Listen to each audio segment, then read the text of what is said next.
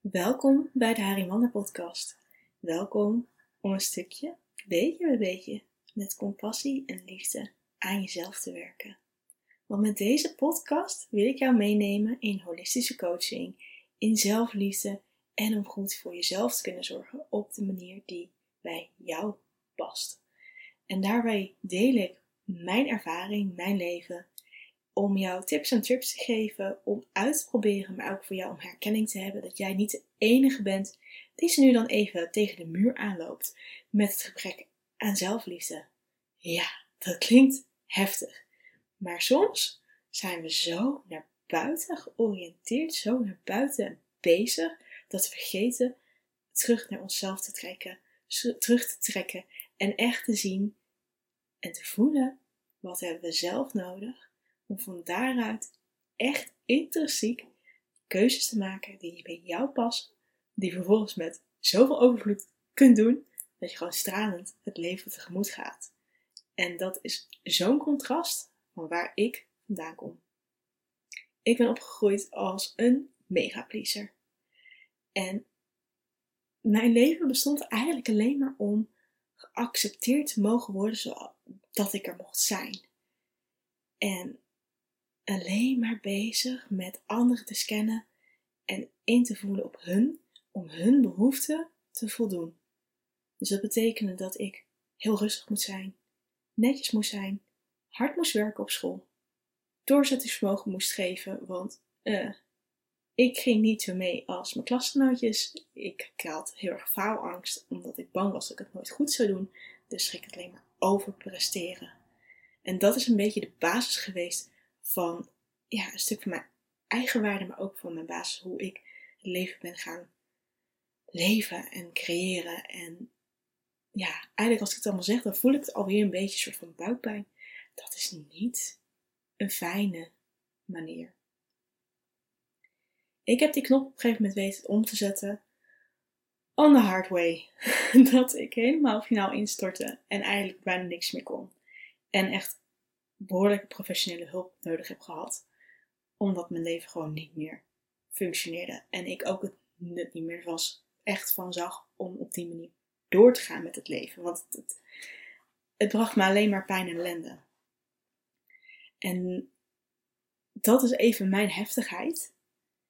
Maar dat hoeft bij jou niet zo ver te komen. En als je het wel zover kent, zoek alsjeblieft professionele hulp als je voelt dat je dit niet meer wenst. Niet meer door te gaan op de manier zoals het altijd al is geweest. Laat me gerust dan een berichtje sturen. Ja, stuur mij gewoon een berichtje. Uh, ga naar je huisarts toe. Zoek hulp. Uh, bespreek het met iemand die je vertrouwt. En ga samen kijken wat bij jou past om te gaan doen. Dit is even dat dat ontstaat. Dit is helemaal niet gepland dat. Maar wel als je merkt dat je tegenaan loopt, dat het gewoon niet meer lekker gaat, ga kijken wat je dan wel kan gaan doen. Om het roer weer om te draaien, om echt bij jezelf in te checken en van daaruit stappen te maken.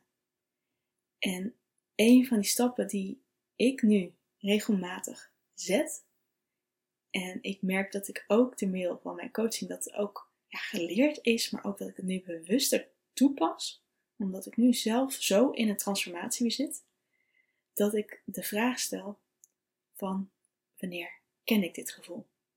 Wanneer kan ik teruggaan, is mijn eerste moment dat ik dit kan herinneren. En dat kunnen situaties zijn dat ik ergens van schrik of dat ik heel erg uh, uh, ja, in emoties schiet van, van angst of van um, ja, dat ik eigenlijk een soort van getriggerd word en dat ik dan kan teruggaan, oké, herken ik dit? En waarin herken ik het? En wanneer is het moment dat ik dat kan herinneren? Van de week was een moment toen viel er iets uit in de keuken. En het maakte behoorlijke knalgeluid op de vloer.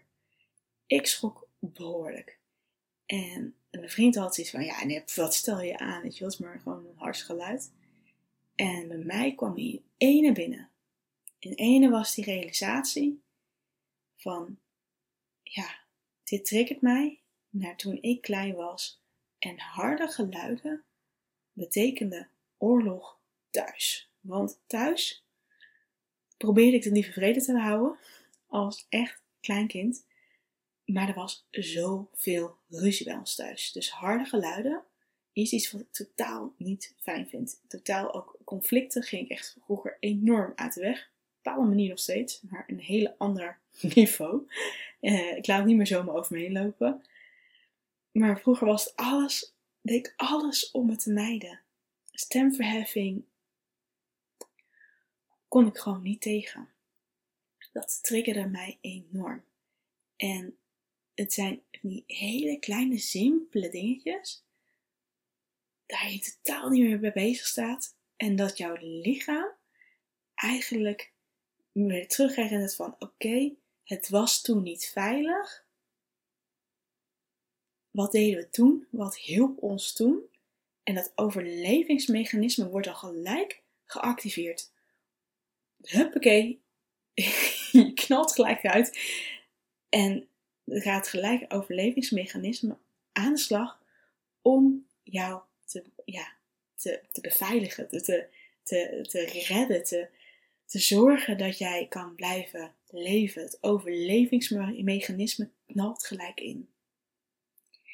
En daardoor kan het ook juist helpend zijn om terug te kijken en terug te voelen ook van waar herken je dit van? En herken je het van vroeger, herken je het en wat is misschien het eerste moment dat je dit herinnert? Want de kracht van die vraag en die realisatie, als je weet of weet te vinden waar het aan was, wat de, de oorzaak was, kan je een beetje omzetten. En kan je gaan kijken van hoe is het nu? En een ander ja, voorbeeld die best wel vaak wordt gebruikt ook, met uh, cognitieve therapie. En nou, dus ik gelijk even kloppen wel, ik zeg maar volgens mij. ga gelijk meer, oeh, twijfel, twijfel, twijfel. Er is een voorbeeld, daar gaat het eigenlijk om. Dat hoe iemand reageert is afhankelijk van de eerdere ervaring. Persoon A en persoon B zien een hond. En beide reageren ze totaal anders.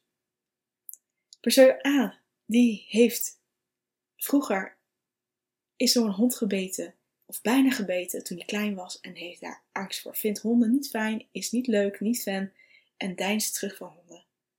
Als hij er bewust van is, kan het zelfs zijn dat hij al zegt van honden, nee, klaar, hou niet van, uit de buurt. Oeh, grote hond, spannend, ik steek wel over, ik loop er van weg. En het kan ook zijn dat het nog onbewust is dat het eigenlijk is dat hij niet snapt waar door dit vandaan komt. Maar dat hij nog steeds wel zegt van, ik hou niet van honden. Ik vind dat echt niet, niet fijn. Uh, nee, ik ga niet, ik wil niet aaien. Ik, ik, heb, ik vind het een beetje spannend. Um, ik wil er niet bij zijn. Nee, dank je. Misschien als het zo'n heel klein chihuahuaatje is, dat ik me dan beter voel. Maar een grote hond, uh -uh, blijf ik uit de buurt. en persoon B, die denkt, een hond? Oh, wat een schatje. Oh, die ga lekker knuffelen. Oh, wat heerlijk. En die heeft bijvoorbeeld een hele goede herinnering dat, uh, dat bijvoorbeeld een, een, een familielid op visite vroeg kwam met een hond. En dat die zo leuk was. En eigenlijk daarna de wens had om altijd maar een hond te hebben. Uh, nooit kwam. En eigenlijk alleen maar heel blij is om die hond dan te, om een andere hond te zien. Dat hij denkt weer dat, dat stukje jeugd erin van, oeh, wat gezellig, oh, wat leuk. En die hond, dat je denkt, oh, die gaat eigenlijk kwispelen en, uh, oh, wat leuk. Uh, misschien wel nog een verlangen van, oh, wat lijkt mij dat tof om wel een hond te gaan nemen. Zou ik dat weten te combineren naast mijn baan? Of, nou ja, goed, als we gezin stichten, zou ik het wel heel leuk vinden om dan ook juist een hond in het gezin te hebben.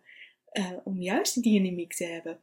Dus dat zijn twee totaal verschillende reacties op het zien van dezelfde hond. Puur door je eerdere ervaringen en de gedachtegangen die daarbij eigenlijk automatisch oplopen. Van oké, soort van angst en wegduwen naar of juist dan zeggen, oh leuk, enthousiast, blij en zo van, ik wil er juist naartoe, ik wil er juist gaan aaien. En door dat te realiseren, kan je ermee omgaan. Want de persoon die dan angst ervoor heeft, die kan dan tegen zichzelf zeggen: Oké, die hond, als je daar wel bewust van wordt, die hond daar waar ik door ooit bijna door gebeten ben of door gebeten ben, betekent dat één hond over de grenzen was gegaan, over mijn grenzen, niet oké was.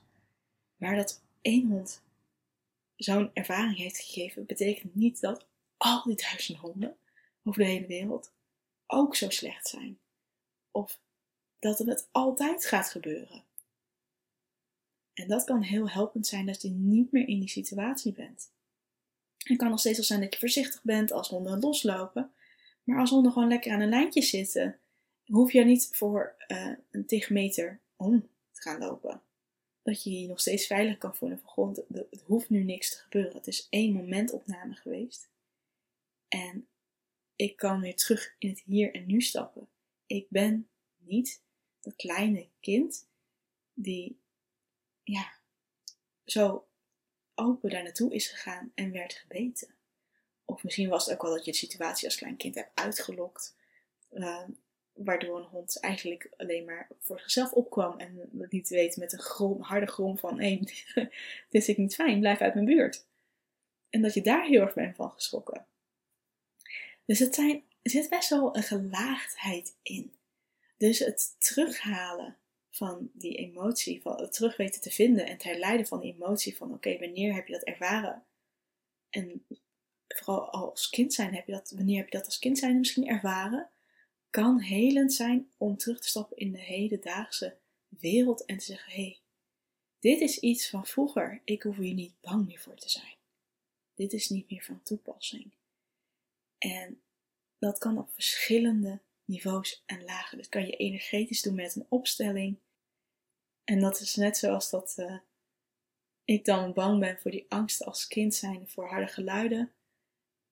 Dat ik denk, ja, maar er is nu geen ruzie bij ons in huis. Ik hoef geen lieve vrede te zichten. En zelfs al verheffen we onze stem naar elkaar, want het is niet altijd roze heuren maandigheid. Soms zijn er ook irritaties. En dan kan het zijn dat iemand zijn stem verheft. Meestal ben ik dat dan eerlijk gezegd. En dat betekent dan niet dat we niet meer van elkaar houden. Dat daardoor onze relatie de prullenbak in gaat. Maar dat is wel het type trauma bijna wat bij mij op die manier erin zat. Van conflicten, het niet oké zijn met elkaar, niet eens zijn met elkaar, stem verheffen.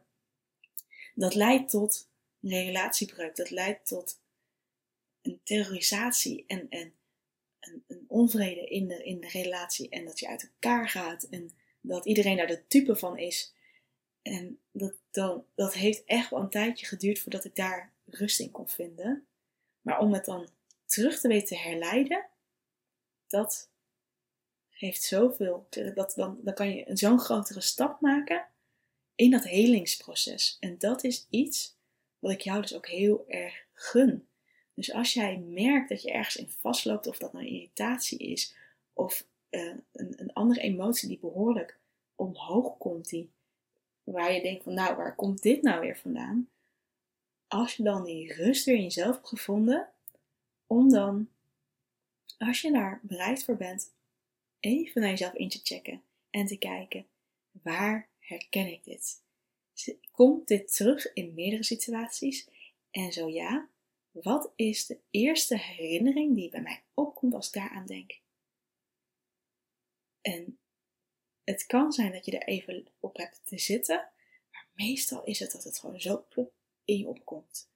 En je hoeft het niet dan echt zwaar te overdenken, want dan, dan wordt het één grote hersenbrei, zeg maar.